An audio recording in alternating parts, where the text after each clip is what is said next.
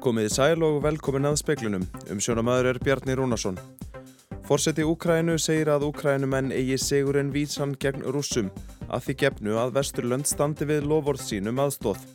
Ár er síðan innrás rússa hófst í Úkrænu.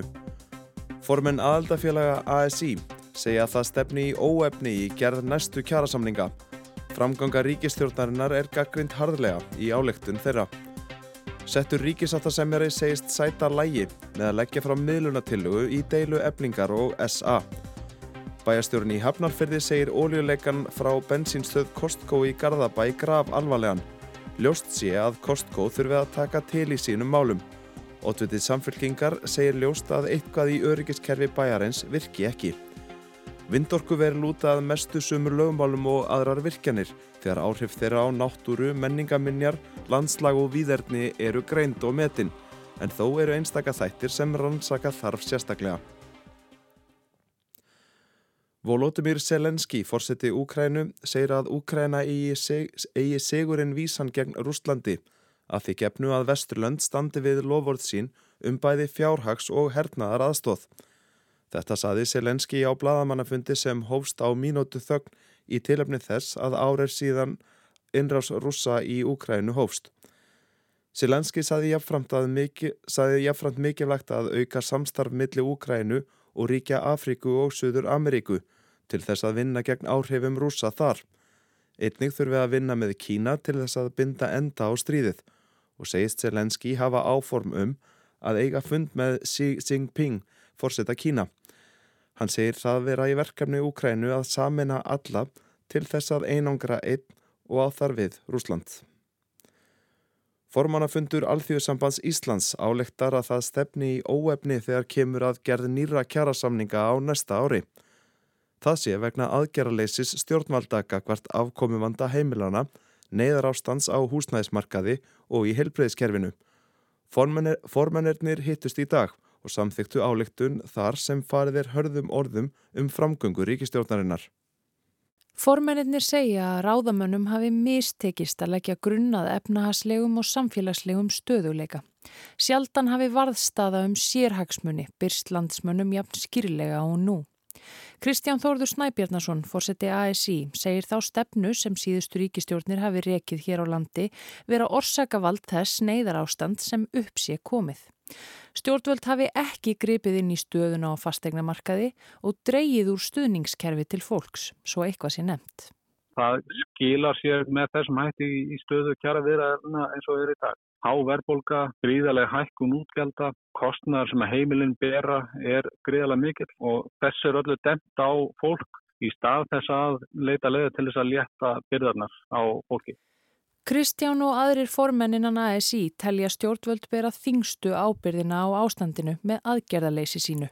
Þeir segjast mynda vonir við að þið ofinbera komið að borðinu fyrir komandi kjærasamninga og styðji launafólk.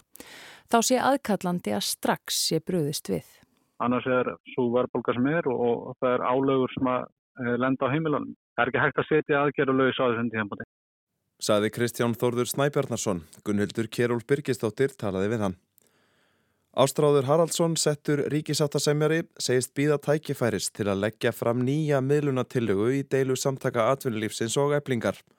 Hann muni þó ekki gera það fyrir hann eigi möguleika á því. Hann segist vera í stöðu sambandi við deilendur. Solveigana Jónsdóttir, formadur eblingar og Haldur Benjamin Þorbergsson, framkvæmtastjóri SA, segjast reyðubúin að fresta verkföllum og verkbanni ef ríkisáttasemjari bóðar þau til viðrana. Solveig Anna segir að skilirði fyrir því sé að gera eblingarsamning fyrir eblingar fólk. Þetta kom fram í umræði þettunum pallborðinu á vísi í dag. Verkföll hófust á nýji byrjun vikunar og verkbann á að hefjast í næstu viku. Áhrif verkfallana verða sífælt meiri. Ólíja og bensín ferð verðandi á töngum bensinstöða og ljóstað áhrifin aukast með hverjum deginum. Kostkó þarf að taka öryggismál sín til endurskoðunar segir Rósa Guðbjörnsdóttir bæjastjóri í Hafnarferði um ólíuleika frá bensinstöð fyrirtækisins í Garðabæ út í sjó í gegnum frávitukerfi Hafnarfjörðar. Lekið hafi frá stöðinni í meira en tvær vikur þegar heilbriðseftirlitið komst á snóðir um uppruna ólíktarinnar í lóks síðasta árs. Rósa segir málið graf alvarlegt og ömurlegt.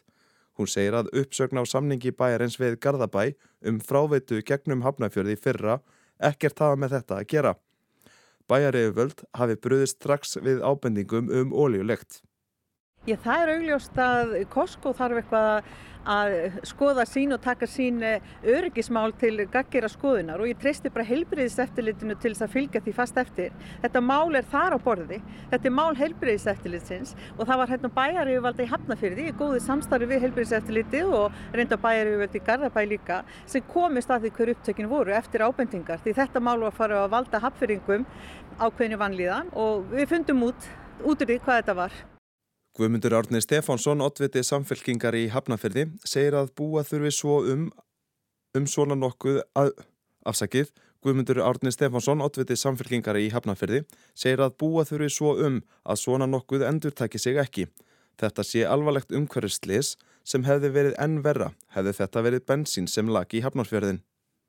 Okkur fannst einhvern veginn áhuga leysi hjá aðstu stjórnbæjarins þó að menn á plani hafi leitað sér og, og enda leitina hjá hjá sökudólki í Garðabæ.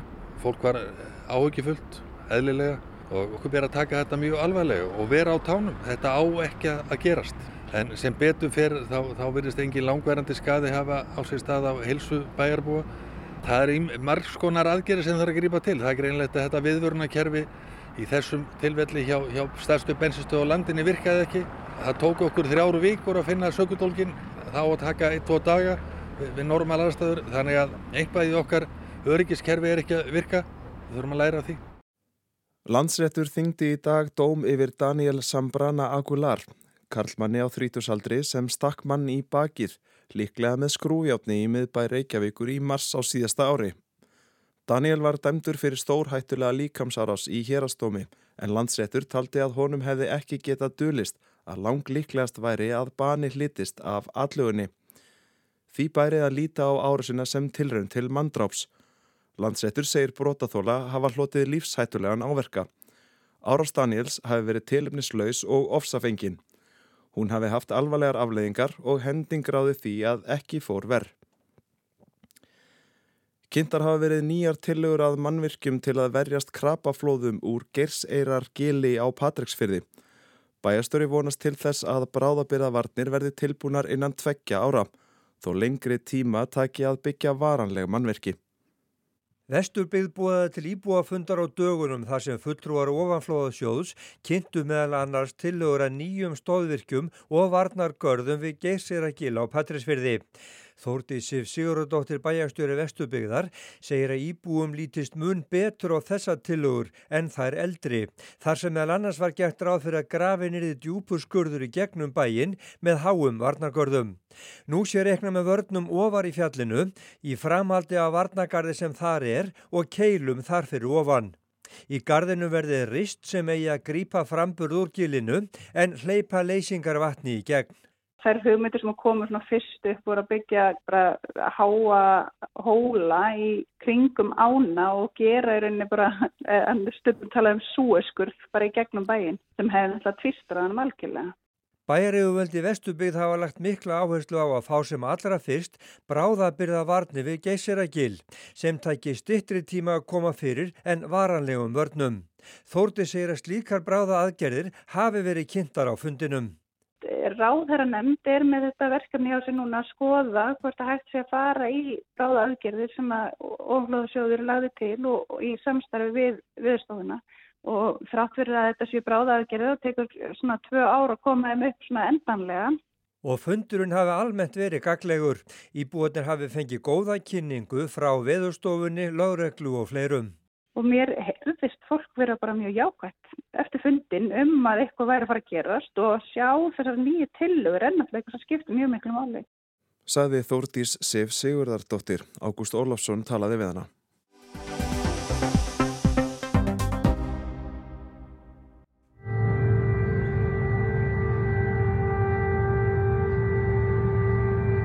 Í dag er ár liðið frá því að Vladimir Putin rúslandsfósetti fyrirskipaði herr sínum að ráðast inn í Úkrænu.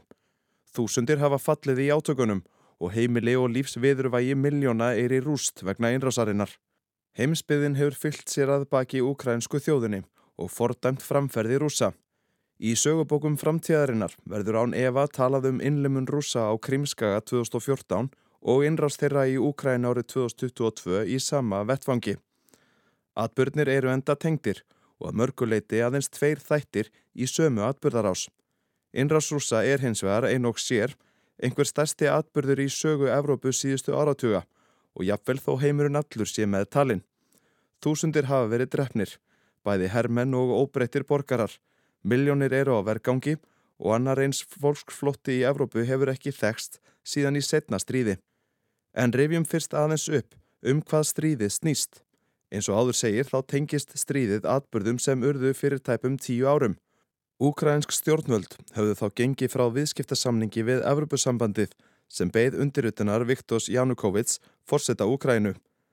En hann skipti skindilega um skoðun á hvaða falla frá samningum en þykja í hans stað stór lán frá rúsum. Sinnaskiptin fjallu í grittan jarðvegi í Úkrænu og til mótmæla kom sem voru í fyrstu friðsamleg en 22. januar 2014 voru þrýr mótmælenda skotnir til bana. Á næstu vikum var skotvopnum beitt í auknum mæli sem leti til meira mannfalls. Mesturð átökinn milli 18. og 22. februar en þann dag var Janukovits steift af stóli og flúði hann land. Þá höfðu að minnstakosti 125 manns látið lífið. Rifjum upp fréttir frá þessum tíma í lok februar 2014. Viktor Janukovits fórseti Úkrænu er farin frá höfuborgin í Kænugarði. Stjórnsíslu hverfi borgarinnar er að mestu leiti á valdi stjórnaranstæðinga. Úkrænska þingið samþýtti nú á 12 tímanum að leysa Júliu Tímosjenko, fyrfirandi fórsetisráðura, úr fangilsi.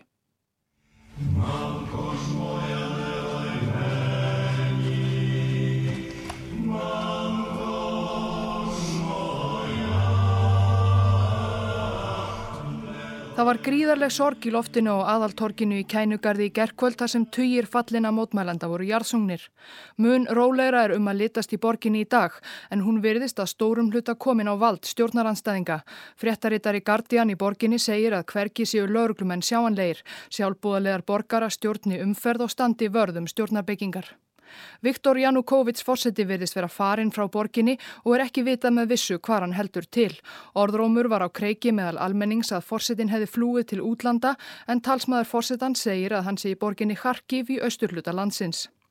Á meðan stendur fórseta höllin tóm og hafa mótmælendur emtil skoðanaferða um bygginguna í morgun.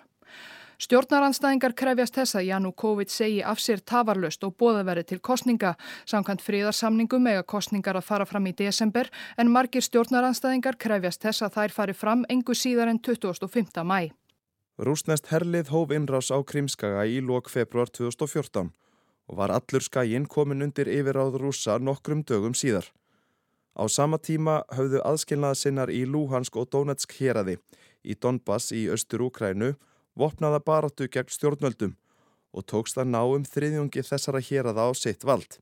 Í framaldinu var líst yfir stopnun tveggja sjálfstæra líðvelda, alþýð líðveldisins Lúhansk og alþýð líðveldisins Donetsk.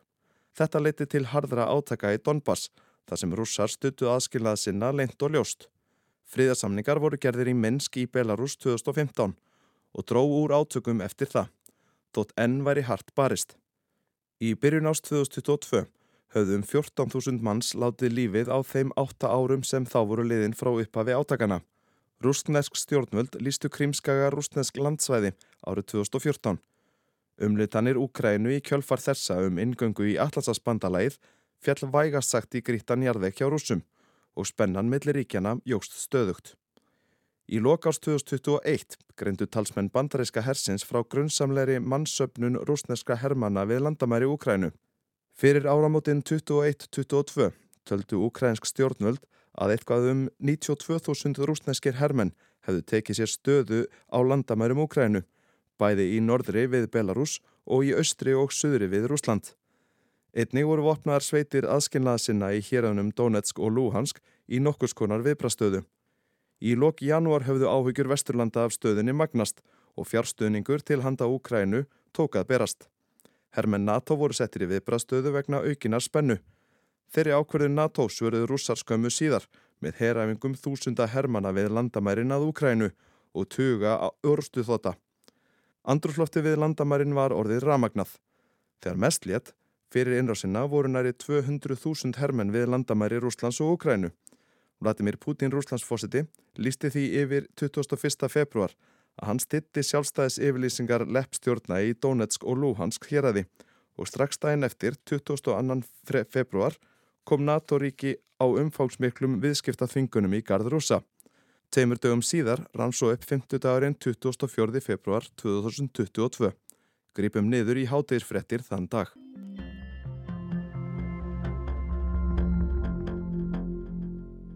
Rússar hófu í nótt stórfeldar loftárásir á Ukrænu. Land hér virðist stefnað borginni Karkív næst stærstu borglandsins. Týjir manna hafa fallið bæði almennir borgarar og hermenn. Loftvarnaflauturnar sem hljómiðu í kænugarði og fleiri borgum tilkynntu íbúunum það sem þeir höfðu óttast lengi. Innrás rúsa í Ukrænu. Í gerðkvöld hafði Volodymyr Selenski fósetti Ukrænu flutt tilfinningaþrungið sjóasáarp þar sem hann hafði byðlað til rúsa að fara ekki í stríð. Hann virtist þó ekki vongóður miða við upphaf áarpsins. Þar saðist hann hafa talað við fórseta Rúslands en viðbröðin hefðu verið þögnin einn. Pútín saðist ekki hafa í hyggju að sölsa undir sig úkrænst landsvæði. Markmið hans og hersins væri aðeins að frelsa rúsnesku mælandi íbúa í Donbass frá úkrænskum nazistum, eins og hann kallaði það. Aðeins örfa á mínútum eftir ávarp Pútins hófu rúsar loftar á sér í höfuborginni Kíef en einnig í Karkív, Odessa, Donbass og á fleiri stöðum. Rúslands er helt síðan landleðina inn í Ukrænu við landamæri Belarus í norðri, landamæri Rúslands í östri og um Krímskaga í söðri. Hundruð óbreytra borgara og hermanna létust á þessum fyrsta degi strísins. Herlaug tóku gildi í Ukrænu og Selenski fórseti fyrirskipaði að ferðabann skildi setta á alla ukrænska karlmenn á aldrinum 18 til 60 ára.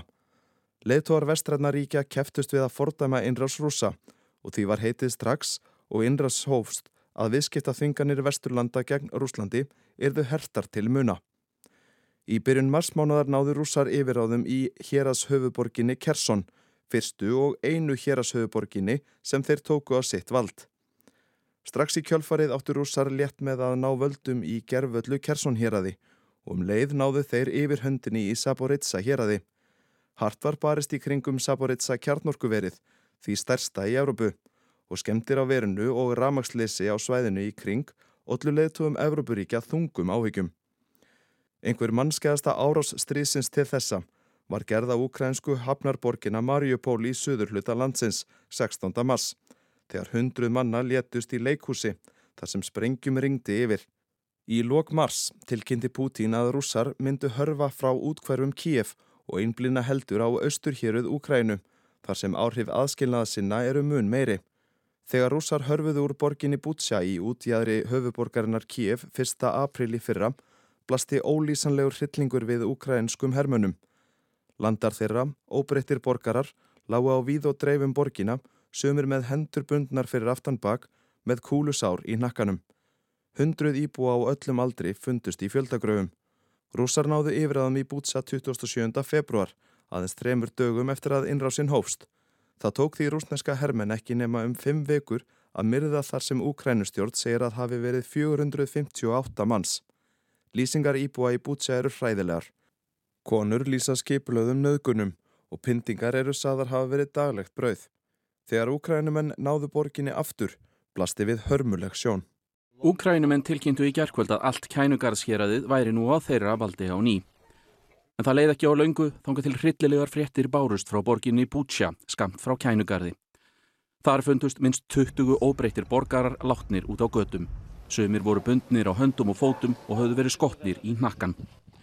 Rauters fréttastofan greindi frá því í dag að yfir 400 lík hefðu fundist í borgum nærri kænugarði. Reynt hafi verið að brenna sum þeirra til að þela ummerki en það hafði ekki alltaf tekist. Vitni segja morðin hafa verið kaldrifjuð. Sú borg sem einna verst hefur farið út úr innrásvastriði rúsa er borgin Mariupól. Þar hafa rússar farið með yfiráð síðan í mæ á síðasta ári. Hörð framganga rússa í borginni í april og mæ, þegar baráttanum yfiráðst stóð sem hæst, laði hana því sem næst í rúst. Eðilegging eftir viðstöðlausar loftarusir er gríðaleg. Eftir því sem sókn rússa vatt fram í Mariupól, urðu ukrænskir hermenn og óbreyttir borgarar að hörfa lengra inn í borgina. Fyrir en varði voru þeir flestir komnir að henni gríðarstóru Azov stál, stálsmiðju sem stendur við Asofhaf, innhaf sem skilur að suðuströnd Úkrænu og suðvestasta otta Rúslands. 16. mæ voru úkrænskir hermenn þó orðnir svo aðþrengtir í Mariupól að þeir gáfust upp fyrir rúsum sem tóku þá til fanga. Rússar höfðu þá náð yfiráðum yfir þessari hernaðlega mikilvægu hafnarborg og með því opnaðist greið landleið frá austurhjörðum Úkrænu þar sem rússar hafa yfiráð og að Krímskaga í söðri. Fæðu öryggi heimsins var telt í tvísínu þegar rússar ríðist inn í Úkrænu. Landið er eitt stærsti útflytjandi kors í heiminum og eftir innrásina stöðvæðist allur útflytningur. Þetta kom sérstaklega ítla við fátakareríki heims eins og í Afriku sem reyða sig ríkulega á korn innflutning frá löndum eins og Ukrænu. Seint í júnimánuði ávarpaði Selenski í Ukrænu fórseti Afrikuþingið og sagði rússa halda Afriku í gíslingu með banni sínu á korn útflutningi. Með milligangu Tyrkja og saminuðu þjóðana náðist samkominlag millir Rúslands og Ukrænu um að heimila ukrænskum flutningarskipum að ferja korn og áburð um Svartahaf og þaðan út í heim. Strax í ágústmánuði var korn útflutningur komin í samt horf og hann hafði verið fyrir stríð en snöðra hljópa á þráðin í lok oktober þegar rússar sögðu sig frá samkominnlæginu. Kendu þeir dróna árusum úkrænumanna á úkrænsk kortflutningarskip úti fyrir Krímskaga um. Árásir sem Vestran ríki sögðu jafnvel uppspuna frá rótum. Skömmu síðar tilkynntur rússar þó að samkominnlægið stæði enn. Undir lok síðasta árs kom upp hálgerð pattstaða í stríðinu sem veldur því að výlínan hefur ekki breyst eða hefst mikið undarfarna mánuði. Rússar hafa ekki haft neinu að fagna á výgvellinum svo mánuðum skiptir og raunar hafa þeir frekar tapa landsvæði sem Úkrænu hefur, hefur endurheimt. Selenski fórseti bylar til vesturlanda að senda Úkrænumönnum hergögn til að berjast gegn rúsum. Enn er engin lausn í sjónmáli og alls óvist hversu lengi stríðið í Úkrænu heldur áfram. Selenski fórseti blés löndum sínum voni brjósti í ávarpi sínu í dag. Hann saði að seinasta ár hefði verið ár þanþóls, ár hugrekkis, ár umhyggju, ár sársöka, ár vonar, ár úthalds og ár samstöðu. En fyrst og fremst ár sigus. Ми не зазнали поразки і зробимо все, аби цього року здобути перемогу. Слава Україні!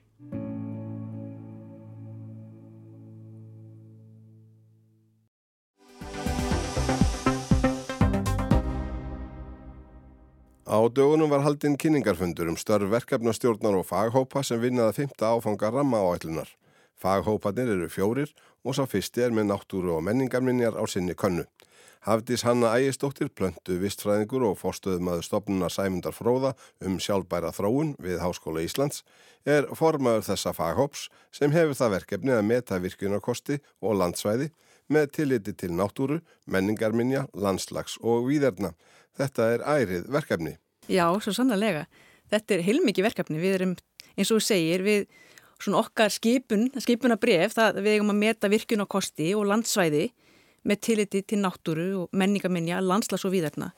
Og, og þetta er auðvitað mjög viðfemt því við erum að meta bæði jærfræðina og vatnafarið, lífverur, fuggla, vatnadýr, plöntur, til dæmis vistkerfi og jærvegin, landslag og výðarni og menningaminja. Þannig að þetta og, og bara um víðum land verður alltaf það sem eru virkunarkostir til umfjölduna sem við fáum okkar bór þannig að þetta er mjög stort verkefni en mjög áhugavert líka og mikilvægt. Og það er fólk uh, í þessu þessum rannsóknum ykkar hópur, faghópur þar eru tíu manns úr ymsum áttum. Já, við erum tíu alls. Ég sem þetta er formaður og svo er ég bara þeirra gæfa einundandi að fá til mér helstu sérfræðinga á þessu sviði.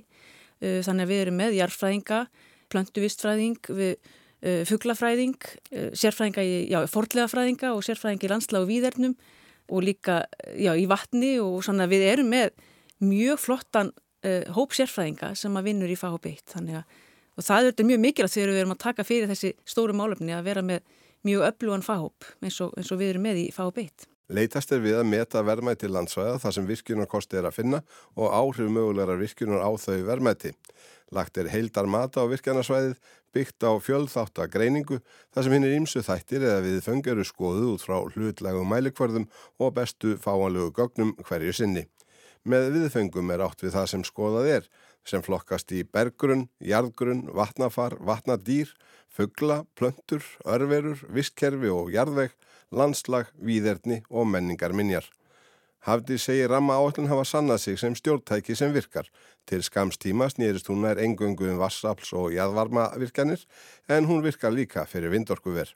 Aðferðafræðin er vel í grunduð að sögn hafdísar, þaul reynd og í grunninn alltaf svo sama, hvort sem um vass, jæðvarma eða vindorkuver er að ræða. Um leið og hún sætir reglulegri endurskoðun með tilliti til áherslna í náttúruvendalögum, faglerar þróunar, vendarviðmiða, stöðu þekkingar og frambóðs á gögnum. Eitt munur er þó sá að vegna mikillar hæðar vindorkuvera er hort til áhrifa þeirra á verðmæti landslags og óbyggðra výðerna í 25 km radíus frá þeim í stað 10 eins og venjan er. Og svo er það fugglarnir.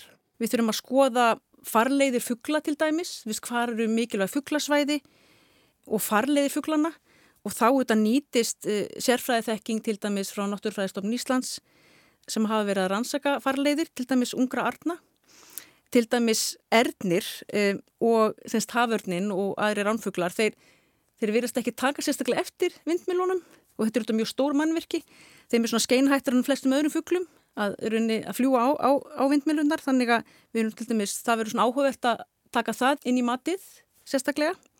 Það er áhugavert að það er núna búið að setja svona leiðarrita á e, nokkara unga erni og það byrjaði árið 2019 2019-2021 voru settir sendar á 25 arnarunga. Og mér skilst að það eigi að bæta fleirum sendum við núna í ár. Og þannig að það verður svona áhugavert að vinna þetta með náttúrlæðistofnun að sjá til þess að geta metið mitt hvert eru erðnina að fara og þá hvar eru þessi vindorku ver, eh, hvar eru þeir staðsett.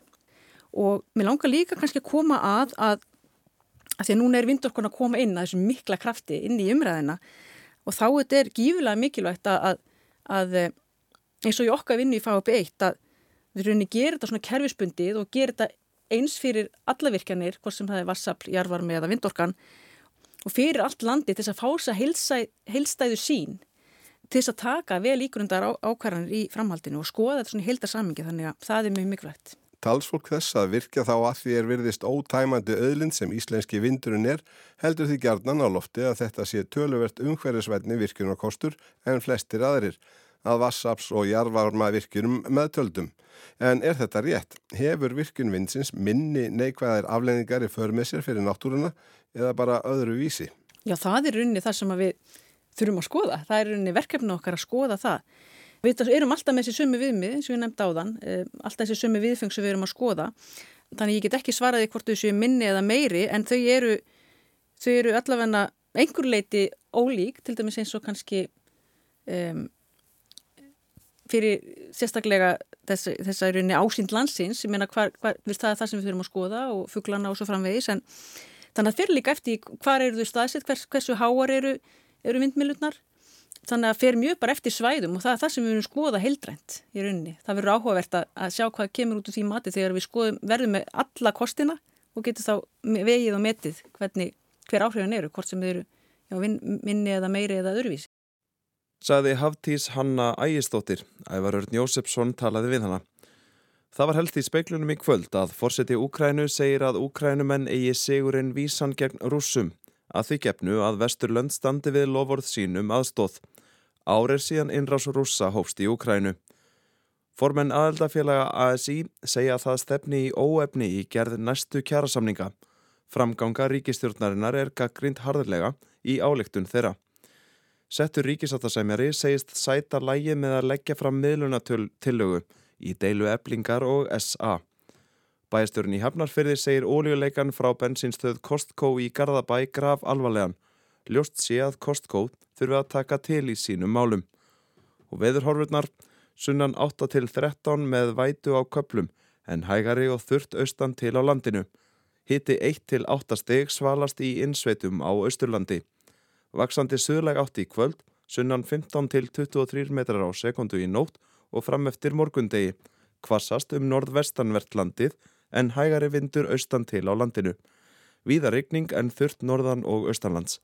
Hitti þrjú til nýju stygg. Það er ekki fleira í speiklinum þessa vikuna. Tæknumadur var Mark Eldredd. Frett átsendingu stjórnaði Ingi Burg Sara Guimundsdóttir. Góða helgi og verðið sæl.